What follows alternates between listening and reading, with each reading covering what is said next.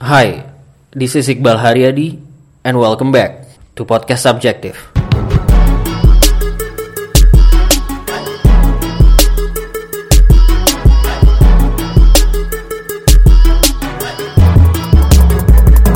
...22 April 2019, hari ini hari Senin uh, Dan episode ini akan tayang tanggal 23 April 2019 Dan uh, ini adalah episode yang buat gua cukup spesial karena episode ini akan bahas spesifik tentang buku karena 23 April 2019 adalah Hari Buku International World Book International Day.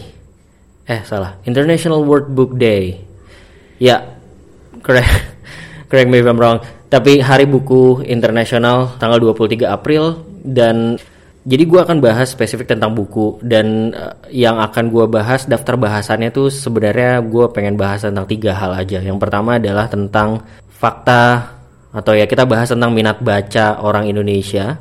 Yang kedua gue pengen cerita spesifik tentang pengalaman personal gue sebagai seorang pembaca buku. Gue pengen cerita tentang lima buku yang mengubah hidup gue dan yang ketiga gue pengen berbagi lah beberapa tips dari pengalaman gue gimana caranya baca buku lebih banyak.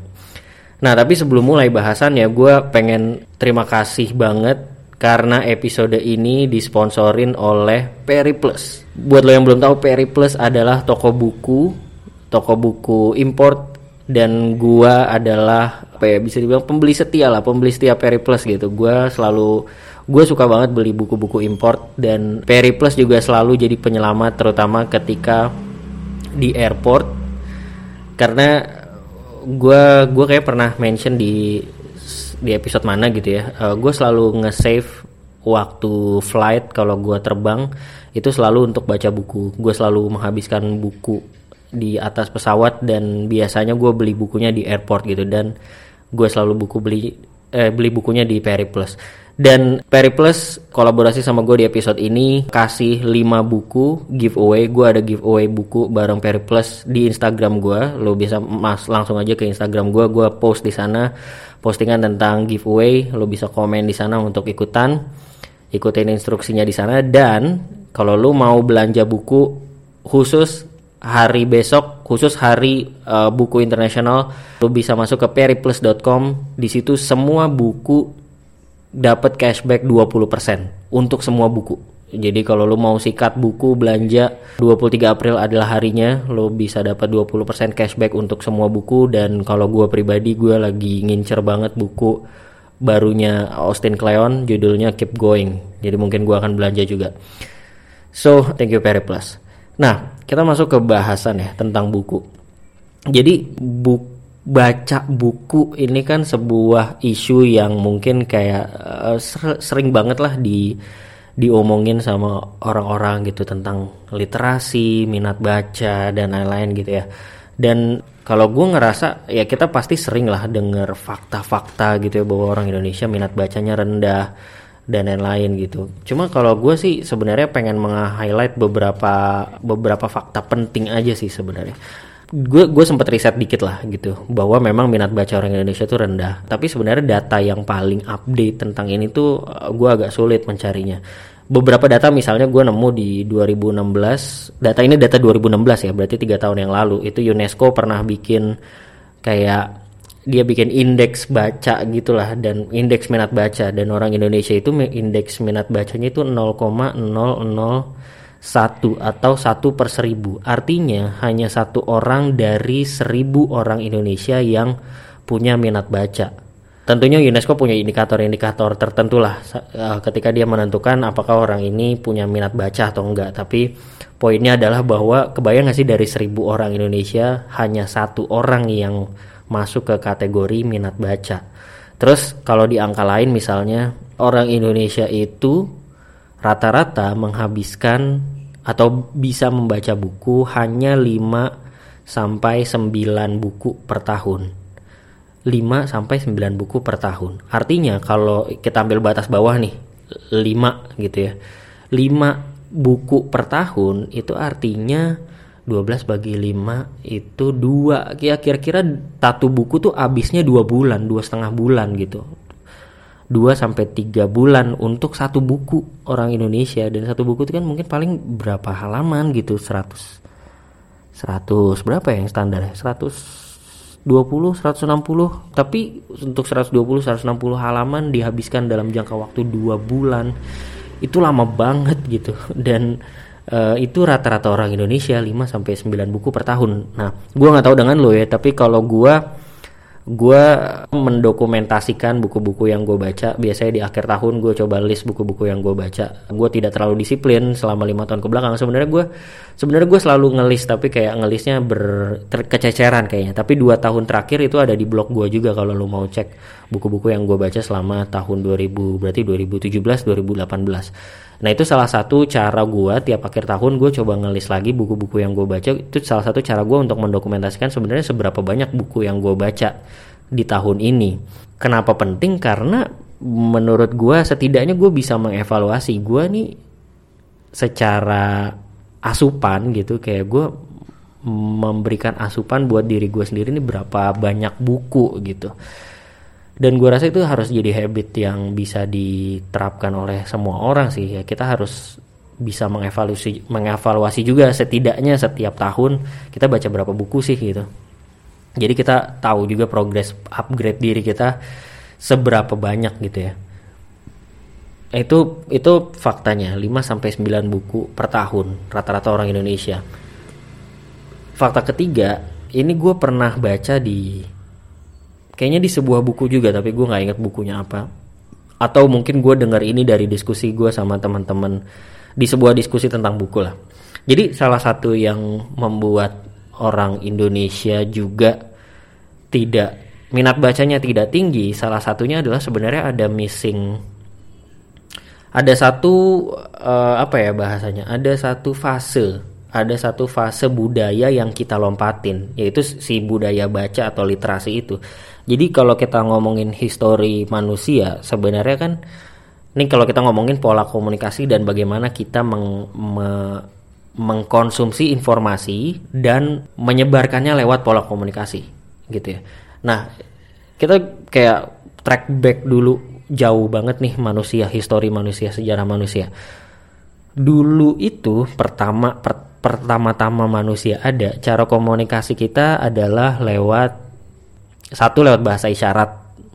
Apa ya bener yang bahasa isyarat? Iya lewat yang uh, uh, uh gitu, lah ya pakai terus tangan apa segala macam. Tapi terus kemudian yang tertulis juga kan sebenarnya yang mulai masuk ke literasi adalah gua kayak orang goblok ya. yang masuk ke literasi adalah uh, caveman orang-orang di gua itu kan mulai ngegambar-gambar. Jadi sebenarnya kita mulai pola komunikasi dan informasi itu lewat ilustrasi lewat gambar. Jadi dulu mulainya dengan budaya menggambar. Nah, budaya menggambar ini kemudian kan berkembang di satu sisi sebenarnya sih budaya gambar itu udah jadi budaya berikutnya yaitu budaya bercerita. Kan sebenarnya gambar-gambar yang dibikin itu secara tidak langsung adalah sebuah cerita yang ketika ada manusia gua yang lain yang ngelihat juga oh mereka paham. Oh ini ada gambar sapi, oh ternyata kita berburu sapi. Caranya dengan apa? Nanti udah ketemu terus ada gambar api misalnya oh ternyata eh, sapinya kalau udah ketangkep dibakar ya kayak gitu gitulah jadi kita menco meng, meng, mencoba mengilustra mencoba me, menceritakan informasi lewat gambar lewat ilustrasi. Nah dari budaya ilustrasi itu dari budaya gambar terus kan kemudian yang awalnya manusia tidak punya bahasa atau berkomunikasi dengan bahasa isyaratnya gitu manusia gua gitu ya uh, baru kemudian muncul nih um, atau mulai ter berkembang yang kita sebut dengan bahasa bahwa yang keluar dari mulut kita tuh mulai ada mulai ada kesepakatan-kesepakatan ada bunyi-bunyi yang bisa kita hasilkan. A i u e o. Mungkin awalnya dari vokal doang terus mulai ada konsonan. Oh ternyata bisa nih uh, pakai b pakai apa ya gitu gitulah ya. Terus mungkin orang udah mulai mulai menentukan kata-kata gitu ya. Gue gue juga penasaran sih tapi dulu gue pernah pelajarin sedikit gitu ya waktu kuliah tentang perkembangan bahasa gitu ya. Bahasa kan awalnya mulainya dari pasti dari uh, suku kata gitu ya. Orang bisa ngomong a uh, ba bi bu gitu ya. Tapi habis itu berkumpul jadi kata. Nah mungkin awalnya orang-orang udah mulai oh nih ada sebuah uh, cahaya yang panas oh ini kita sebut dengan api gitu ya. Akhirnya disepakati oh namanya api. Terus mungkin masing-masing udah mulai ngasih nama. Oh gua namanya apa ya? Nama orang gua apa ya? Nggak mungkin Iqbal dong. Iqbal kan sangat sangat advance ya secara bahasa pada zaman itu. Tapi intinya orang-orang mulai saling memberi nama. Terus kayak mungkin oh ada anjing lewat. Oh ini anjing nih gitu. Namanya anjing. Oh yang ini kucing dan segala macam lah. Akhirnya mulai terbentuk budaya bahasa buda budaya cerita. Orang ketika udah mulai ada bahasa mereka mulai bertutur mulai ada budaya bertutur. Maka timbullah cerita-cerita. Itulah mungkin kayak kalau kita fast forward eh, itulah mungkin yang kemudian berkembang menjadi budaya-budaya mendongeng terus ah, mulai ada cerita-cerita fable-fable gitu yang cerita-cerita rakyat dan lain-lain itu dari sana gitu. Baru eh, sambil itu berkembang secara otomatis juga berkembang juga uh, literasi. Literasi tertulis. Kalau yang tadi kan budaya verbal budaya orang bercerita secara verbal. Nah mulai ini berkembang yang tertulis karena mungkin perlu didokumentasikan, perlu ada ketika orang yang nggak ada tetap orang tetap bisa lihat sesuatu dan oh dia tahu informasi itu. Nah mulailah itu di situ budaya literasi. Maka muncullah alfabet-alfabet, ada bentukannya, ada cara tulisnya. Dan mungkin kalau dulu di Jawa di kita gitu ya di Jawa di Mataram di di suku-suku bukan suku kerajaan-kerajaan zaman dulu di situlah mulai muncul prasasti-prasasti gitu. Orang mulai ditulisin di prasasti. Mungkin dulu zaman Nabi Musa juga orang nulisin apa namanya nulisin pesan di atas batu gitu kan. Baru berkembang kemudian ada kertas barulah pindah ke kertas dan seterusnya dan seterusnya. Di situlah mu di situlah berkembang si budaya literasi budaya bahwa informasi itu bisa dituliskan dan orang yang ingin mengkonsumsinya bisa membaca. Baru kemudian dari budaya baca dan literasi ini baru masuk sekarang kita ke budaya visual apa ya bahasanya mungkin visual interaktif kali ya. Ya sebenarnya sesimpel kita sekarang udah di budaya internet gitu. Kita kita punya layar layarnya bisa ngasih kita ngasih lihat kita sesuatu kita mungkin berkomunikasi dengan orang lain tapi lewat visual itu lewat chat dan lain-lain yang kita tidak harus bertemu langsung tidak harus menulis secara tidak seperti dulu cara menulis kita, tidak seperti dulu juga cara membaca kita. Jadi udah berubah lagi nih budaya. Jadi kalau gue gambarin tadi ada empat budaya sebenarnya. Satu budaya kita mulai dari budaya ilustrasi, kedua budaya storytelling secara verbal, ketiga budaya literasi baca dan menulis, keempat budaya visual uh, interaktif atau internet lah gitu. Nah menurut gue Indonesia nih orang Indonesia secara umum rata-rata tuh kita ngeskip budaya literasi gitu jadi banyak menurut gua orang Indonesia, ini ini juga opini pribadi ya. Menurut gua banyak uh, orang Indonesia baik yang mungkin di tidak di kota besar maupun di kota besar itu uh, tidak sempat merasakan atau tidak sempat mengembangkan budaya literasi secara dalam. Artinya mereka tidak sempat merayakan dalam tanda kutip merayakan akses, oh kita bisa baca buku, kita bisa menulis dan lain-lain. Tiba-tiba udah datang nih budaya visual interaktif gitu. Tiba-tiba udah datang smartphone. Terus semua orang udah beralih aja ke sana. Ya udah gue nonton YouTube. Ya udah gue liatin Instagram aja dan segala macam uh, sementara kita nggak tidak tidak sempat me, sec, uh, secara budaya lama di budaya uh, literasi itu gitu. Sehingga uh, kalau balik ke bahasan di awal tadi ya minat baca kan nggak terlalu tinggi. Mungkin menurut asumsi gue salah satunya adalah karena kita nge-skip si budaya itu gitu. Nah itu dari segi uh, minat baca Indonesia gitu ya. Jadi memang kita perlu banyak ditingkatkan lah gampang gitu. Kalau gue pribadi dari pengalaman gue, gue sih merasa sebenarnya literasi atau suka membaca buku tuh tidak hanya karena mau sih tidak hanya karena mau. Bukan hanya karena gue suka baca buku gitu tapi sebenarnya ada dua faktor sebenarnya.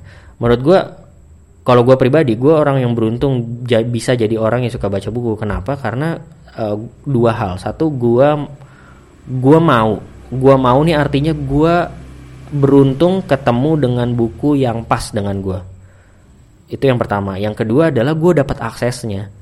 Gue dapat aksesnya. Dan gue rasa nggak semua orang bisa mendapatkan akses itu. Mungkin ya kalau lu suka baca buku kemungkinan besar lu juga orang yang somehow punya akses ke sana gitu. Either emang lu dapat info uh, dapat bukunya dari keluarga lu dari orang tua lu atau mungkin lu pernah ketemu orang dan lain-lain dan akhirnya lu bisa baca buku gitu. Nah itulah kenapa ini gue mau share gue gua gua ngelis 5 buku yang mengubah hidup gue yang mengubah hidup gue ini maksudnya yang membuat yang mengubah cara pola pikir gue dan lain-lain yang sebenarnya ada banyak pasti buku. Buat gue buku buku yang mengubah hidup gue ada banyak mengubah pikiran gue ada banyak tapi gue cuma ngambil lima aja yang cukup mewakili uh, fase-fase hidup gue lah gitu. Sampai saat ini hidup gue juga belum lama sih.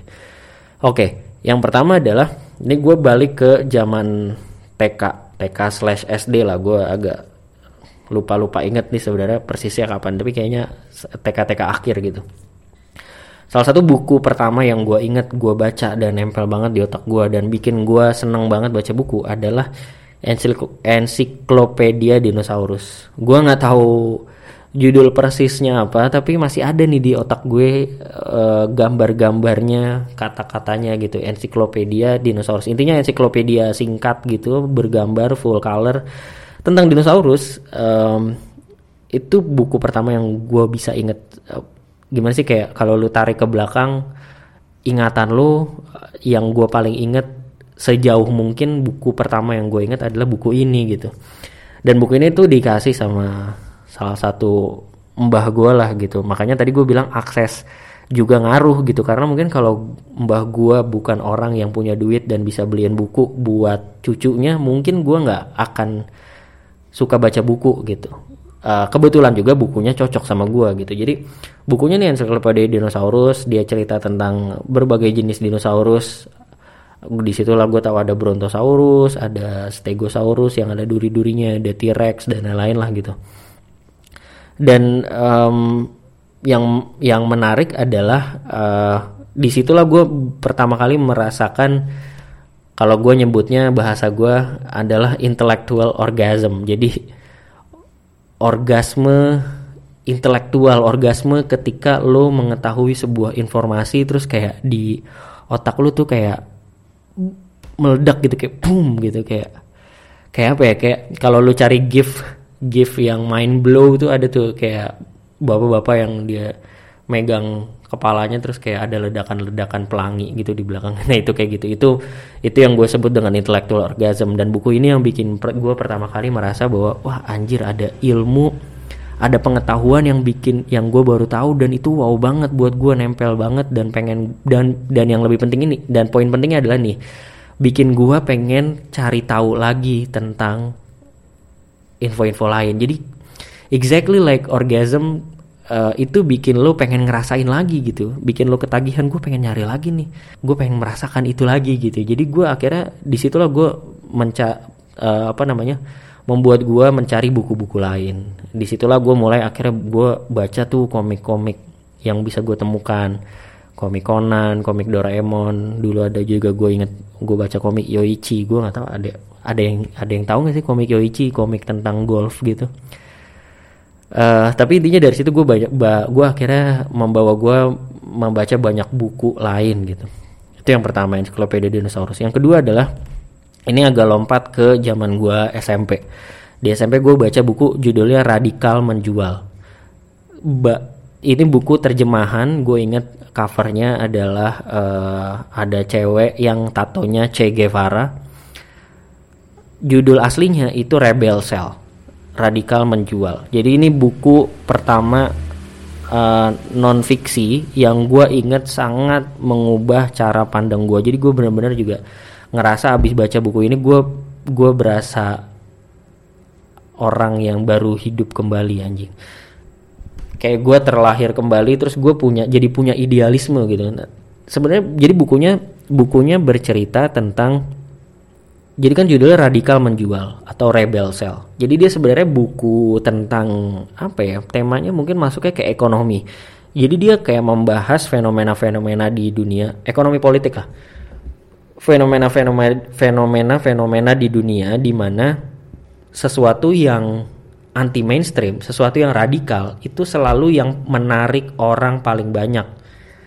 Makanya dia salah satunya di covernya itu kan ada gambar cewek bertato Che Guevara kan Che Guevara itu kan salah satu tokoh revolusi yang yang menjadi simbol buat banyak orang untuk menunjukkan bahwa gue orang yang revolusioner, gue orang yang berani melawan pakem, gue orang gue pemuda yang berani berbuat sesuatu hal yang baru gitu. Nah itu kan secara historis sebenarnya ya sesimpel cerita bahwa si Che Guevara ini tokoh revolusi di Che Guevara di mana ya? Anjir correct me if I'm ya, Peru atau? Kayak bukan Peru deh. Meksiko? Uh, Uruguay? Nggak tahu gue Amerika Selatan lah. Sebuah negara di Amerika Selatan. Um, yang Kuba Kuba ya kayaknya. Che Guevara Kuba. Oke dia adalah tokoh perubahan revolusi di Kuba yang menjadi simbol dalam tanda kutip radikalisme dan simbol rebel, simbol orang yang berani melawan tirani, orang yang berani melawan kemainstreaman dan pada akhirnya anak-anak muda banyak yang tertarik dengan si Che Guevara ini. Nah, yang kayak Che Guevara ini, ini fenomenanya ada banyak banget.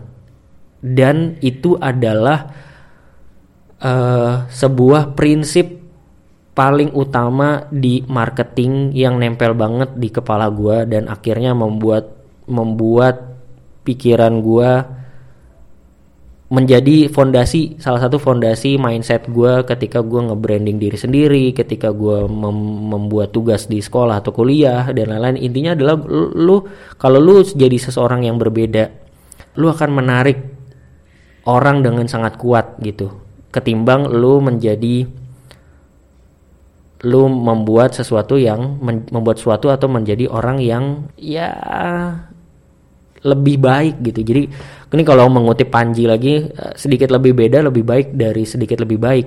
Nah itu prinsipnya sama persis dengan yang gue dapatkan dari si buku uh, Rebel Cell atau Radikal Menjual ini gitu. Cuma ketika gue ketemu ketemu dengan Panji ngomong kayak gitu mungkin formnya udah dibikin lebih simple gitu. Tapi kurang lebih kayak gitu. Jadi gue terbiasa untuk melihat sesuatu nih gue apa yang bisa gue tampilkan beda ya gitu. Sehingga akhirnya gue gue terbiasa membangun semua hal yang berkaitan dengan promosi, marketing dan lain-lain dengan fondasi itu. Itu buku kedua. Buku ketiga adalah ini juga di zaman SMA gue baca buku namanya Kopi Merah Putih. Penulisnya itu uh, kumpulan blogger namanya apa ya? Uh, Indonesia Anonymous kalau gue nggak salah.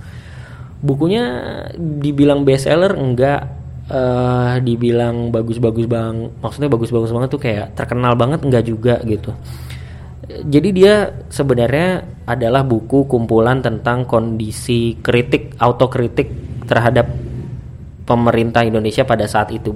Bercerita tentang isu-isu yang lagi ramai pada saat itu. Jadi kayak isu pangan, isu ekonomi. Ya sebenarnya kayak ini kayak bahasan ILC tapi ditulis dengan lebih santai dan tidak saling teriak satu sama lain dengan data-data yang ini. Tapi yang menarik buat gue adalah dia bisa si buku ini bisa menuliskan isu yang serius dengan cara yang santai, seperti ngopi, seperti lagi ngopi di warung kopi. Dan itu membuat gue sadar bahwa isu-isu serius tuh sebenarnya bisa diceritakan dengan santai, asalkan kita tahu caranya, asalkan kita ngerti dan kita mau duduk santai untuk mencoba ngulik secara pelan-pelan gitu. Dan itu sangat uh, membekas di otak gue dari segi penulisan. Jadi gue selalu pengen menulis sesuatu hal-hal yang berat ataupun membahas ngomong presentasi dan lain-lain sesuatu hal yang berat tuh harus gue komunikasikan dengan santai gitu. Seperti si buku kopi merah putih itu. Gue nggak tahu bukunya sekarang masih ada atau nggak kayaknya susah banget dicari. Tapi kalaupun lu nemu kayaknya bukunya juga nggak terlalu mungkin udah nggak relevan sekarang. Tapi ya kenapa gue point out? Karena tadi bukunya sangat berpengaruh kepada cara gue menulis dan cara gue berpikir sampai sekarang Nah, yang itu buku ketiga. Buku keempat adalah ini juga zaman gue SMP, rentang SMP sampai SMA, buku tetralogi Laskar Pelangi. Tapi sebenarnya yang paling nempel di gue adalah Sang Pemimpi. Ini buku yang buku sastra, buku yang membuat gue merasa bahwa sastra tuh sesuatu yang gold. Gue gue nggak gue nggak nggak terlalu suka dengan sastra yang yang terlalu sastra gitu ya yang maksudnya yang kayak WS Rendra gitu uh, siapa sih namanya? Uh, yang dibaca Marangga tuh apa sih?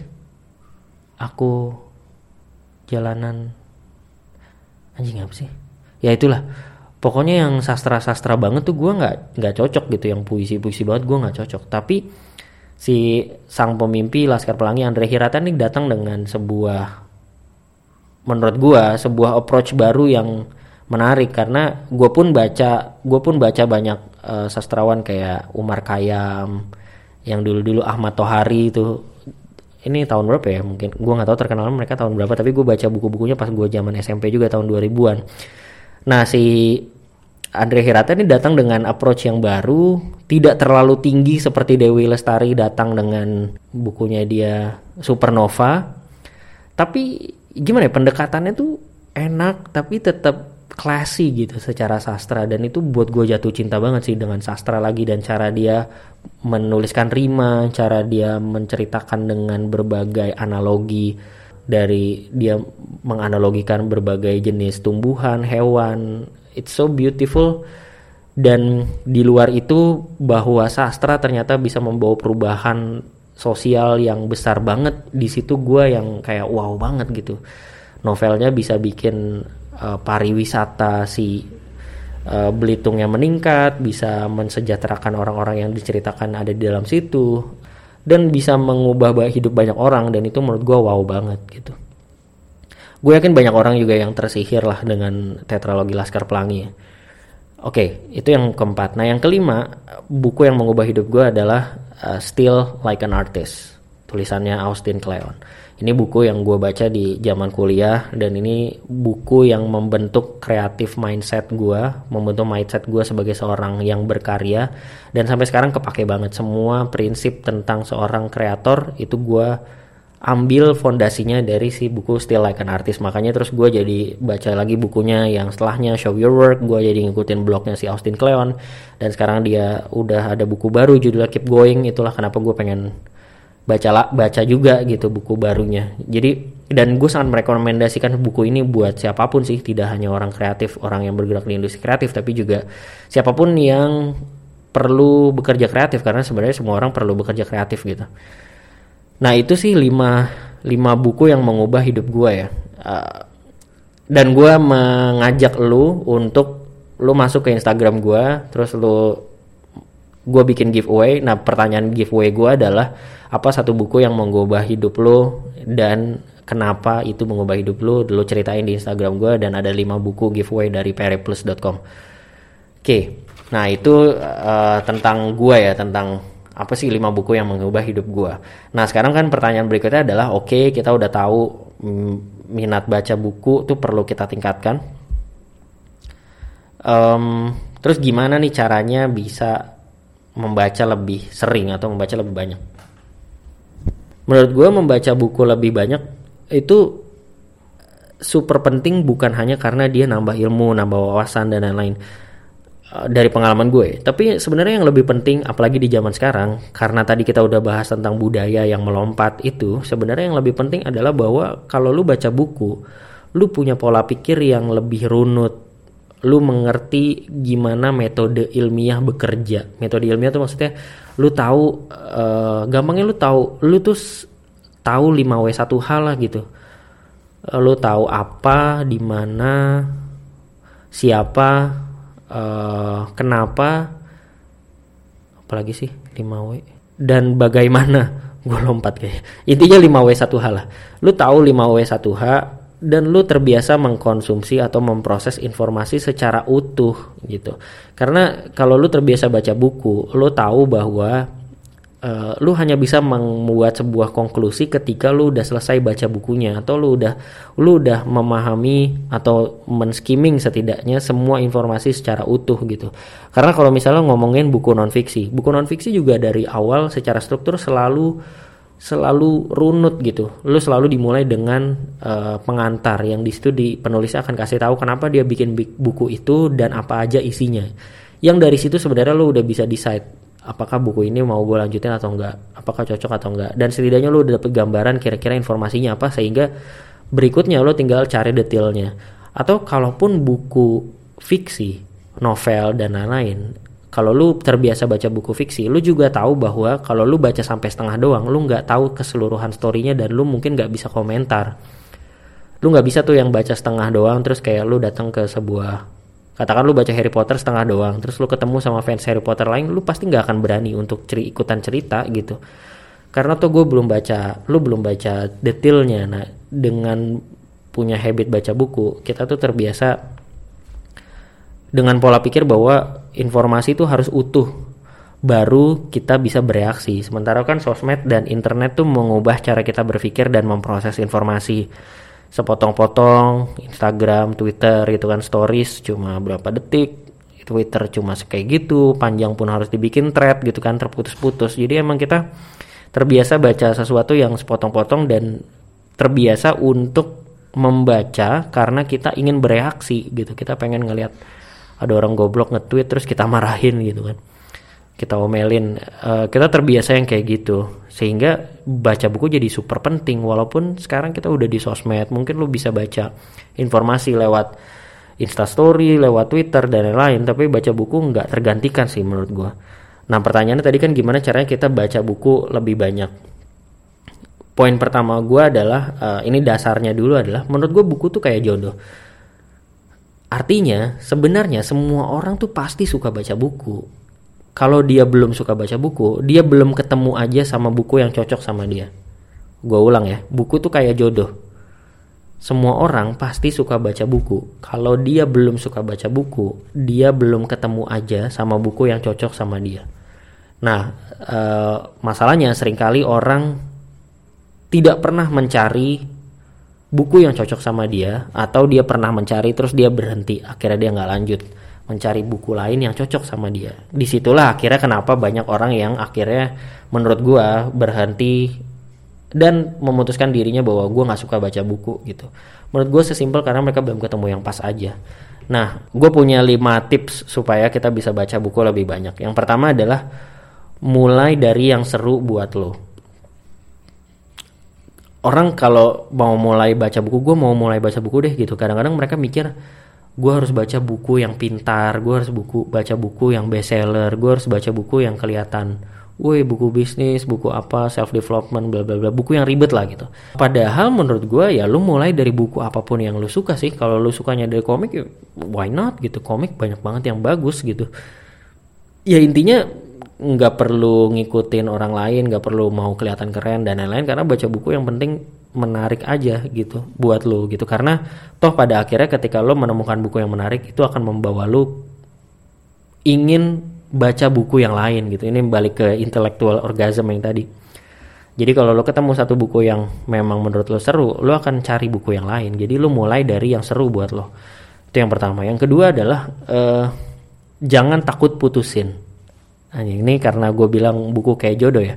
Ini most common mistakes orang ketika baca buku. Ketika orang baca buku, memulai baca buku, terus menurut mereka bukunya nggak seru, mereka memaksakan diri untuk, aduh gue udah terlanjur beli nih, atau gue udah terlanjur minjem nih, gue udah terlanjur baca, gue harus selesai bukunya, kalau nggak gue nggak akan beralih ke buku yang lain.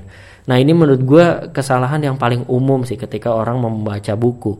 Kenapa? Karena sebenarnya prinsipnya adalah kalau menurut lu kalau lu udah merasa berat menghabiskan buku itu ya lu tinggalin. Lu tinggalin aja dan lu move on ke ke yang lain gitu yang cocok sama lu. Persis kayak jodoh. Kalau udah nggak cocok ya ngapain dipaksain? Toh lu udah tahu akhirnya lu nggak akan suka sama dia gitu. Jadi buku pun menurut gue kayak gitu. Banyak orang yang akhirnya stuck dengan tadi misalnya dengan angka bahwa selama dua bulan dia cuma ngabisin satu buku karena dia udah merasa bahwa dia nggak bisa ngabisin bukunya dia nggak suka bukunya tapi dia paksain ya gue udah terlanjur beli bro gue udah bayar mahal nih 200 ribu ya gue harus habisin lah bukunya sayang gitu. Kalau nggak kalau gue tiba-tiba beralih ke buku yang lain gue buang-buang duit gitu. Padahal sebenarnya justru lu buang-buang waktu ketika lu udah nggak suka sama bukunya terus lu paksain untuk baca buku itu. Jadi sebenarnya lu jangan takut buat tinggalin buku yang udah nggak menarik buat lu dan lu pindah cari buku yang lain.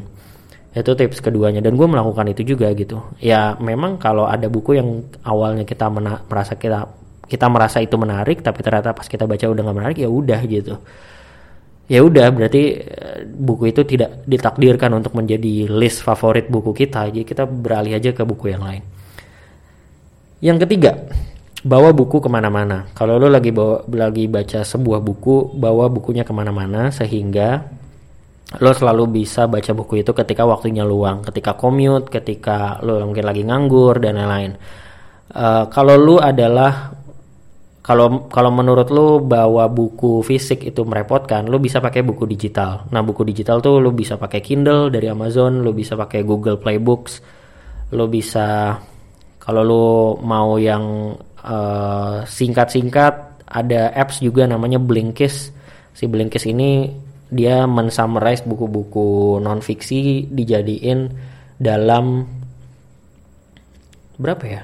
kayaknya per buku tuh jadi cuma 15 halaman yang lu bisa ngabisin dalam waktu 15 menit kalau nggak salah kayak gitu ya gue udah gue udah lama nggak pakai juga tapi dia sangat membantu untuk orang-orang yang pengen baca buku-buku non fiksi uh, tapi waktunya nggak banyak dia sangat membantu gitu jadi ada banyak aplikasi juga yang bisa lu pakai untuk rajin baca buku uh, dan kalau emang lu orangnya digital banget si aplikasi-aplikasi buku ini lu taruh di home sehingga lebih mudah lu akses gitu itu yang ketiga bawa ke mana-mana yang keempat adalah lu share di Instagram, di Twitter, di mana-mana. Kalau lu habis baca buku dan ada sesuatu yang lo dapat dari situ, lu share. Kenapa? Bukan buat pamer, tapi justru buat menarik orang-orang yang punya minat yang sama kayak lo. Karena ketika lo share nih di Instagram, di Insta Stories misalnya, terus ada yang tiba-tiba, eh menarik, thank you ya bro lu jadi tahu ada orang-orang yang punya minat yang sama dengan lu dan lu akan lebih semangat untuk baca buku lagi dan mungkin lu akan dikasih rekomendasi lu jadi punya teman baru buat diskusi dan itu menarik sih dan akhirnya meningkatkan minat baca untuk baca buku-buku lain karena gue akan nemu orang-orang lain nih gue akan nemu bahasan-bahasan baru yang bikin gue bisa ngobrol sama orang lebih banyak kayak gitu. Itu yang gue praktekkan dan gue rasakan dan sangat membantu gue juga kenapa akhirnya memotivasi gue membaca buku lebih banyak. Karena gue bisa ketemu dengan lebih banyak orang ngobrol lebih banyak temanya lebih luas. Ya dan ketemu orang-orang dengan minat yang sama gitu. Nah terakhir nomor 5 adalah kalau yang terakhir yang kelima adalah alokasikan waktu khusus buat baca nah kalau gue tadi salah satu alokasi waktu yang super spesifik kalau gue harus baca salah satunya adalah uh, ketika gue flight terbang. Uh, tentu saja saya tidak terlalu sering, tidak sesering itu naik pesawat, tapi cukup sering, nggak sering banget sih, gimana ya bilangnya? Ya adalah dua bulan sekali, adalah terbang ke mana gitu. Dan uh, terbang itu kan minimal sejam lah gitu. Itu gue selalu pasti harus sedia buku. Entah itu buku seringnya buku baru ataupun buku lama gue harus sedia buku dan gue menghabiskan waktu pasti untuk baca buku atau nulis sesuatu lah. Tapi mostly buat baca buku. Nah itu salah satu alokasi waktu khusus yang gue sediakan untuk baca buku. Yang harian bisa juga misalnya disediakan waktu khusus pagi pagi-pagi habis sholat subuh misal atau sebelum tidur 5 menit sebelum tidur selalu baca buku dan lain-lain. Nah itu yang ada ketika ada alokasi waktu khusus mungkin lo akan lebih lebih disiplin juga untuk terus baca buku dan lo akhirnya progresif juga gitu. Jadi nggak nggak numpuk nunggu weekend dan segala macam. Nah itu tadi 5 tips supaya lo bisa baca buku lebih banyak. Nah itu aja uh, bahasan gue di episode kali ini. Mudah-mudahan bisa menciptakan lebih banyak obrolan ya tentang membaca buku. Gue tuh tadinya punya wacana juga sama istri gue sebenarnya. Uh, mau bikin uh, bulanan bikin kayak kopdar buku gitulah. Atau gue bikin kopdar gue membahas sebuah buku yang pernah gue baca terus kayak kita diskusi dan segala macam. Tapi so far sih waktunya belum ketemu. Uh, mungkin kalau lo ada yang lo, lo ada ada dari lo yang dengar ini dan mungkin kayak tertarik juga dengan ide itu let me know. Sebenarnya sih kayak yang dibutuhkan sebenarnya kan punya cuma tempat. Tempat sih menurut gue cari kafe kayak gitu-gitu. Gampang lah gitu. Tapi emang yang agak sulit waktunya sih sama ya waktu lah. Ya itu excuse saja tapi gue punya wacana itu yang mungkin sampai sekarang belum terrealisasi. Tapi di luar itu gue harap sih anyone yang mendengarkan ini kita bisa ningkatin minat baca kita sendiri bareng-bareng dan di luar itu kita juga mengajak lebih banyak orang buat suka baca buku gitu. That's why gue happy banget sih yang uh, episode kali ini podcast episode kali ini di Hari Buku Internasional ini gue happy banget bisa kolaborasi sama Peri Plus. Terima kasih periplus.com yang udah kasih 5 buku giveaway. Ini gua gua sebut ya bukunya. Uh, gua tadi kayak belum sempet nyebut bukunya, tapi lo bisa cek di Instagram gua, gua akan post 23 April pagi-pagi, tapi 5 bukunya adalah satu The Art of Noticing, kedua How to Lead Smart People, ketiga Moneyland, keempat biografi Tim Cook, kelima No Bullshit Leadership. Jadi semuanya buku non fiksi. Gua gua special request uh, buku non fiksi karena gue merasa kayaknya akan lebih optimal dan sesuai dengan bahasan-bahasan yang sering gue bahas di podcast lebih ke buku-buku non fiksi.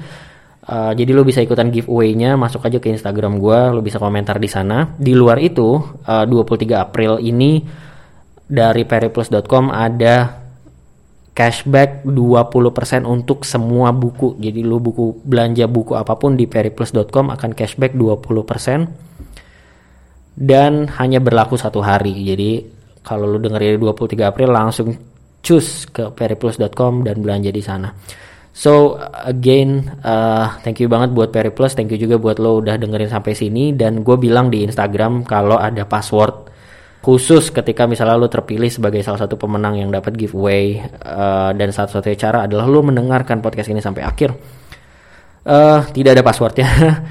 gue paling akan nanya kalau lu nanti terpilih sebagai salah satu orang yang nerima uh, satu dari lima buku giveaway ini gue mungkin akan tanya kalau saat sebutin satu aja buku yang gue mention di podcast ini. Lima buku satu dari lima buku yang mengubah hidup gue so um, thank you guys. Uh, thank you so much for listening sampai uh, saat ini. Kalau lu uh, suka dengan episode ini lo bisa share di uh, Insta Instagram mention gue Etikbal HP lu share di Twitter juga mention gue Etikbal HP lu bisa email ke gue iqbalhp@gmail.com jangan lupa follow Periplus ID di Instagram dan kalau lu pengguna Apple gue minta waktu lu buat kasih rating dan review supaya lebih banyak orang nemuin podcast ini. So thank you so much for listening. Uh, see you on the next episode and please be subjective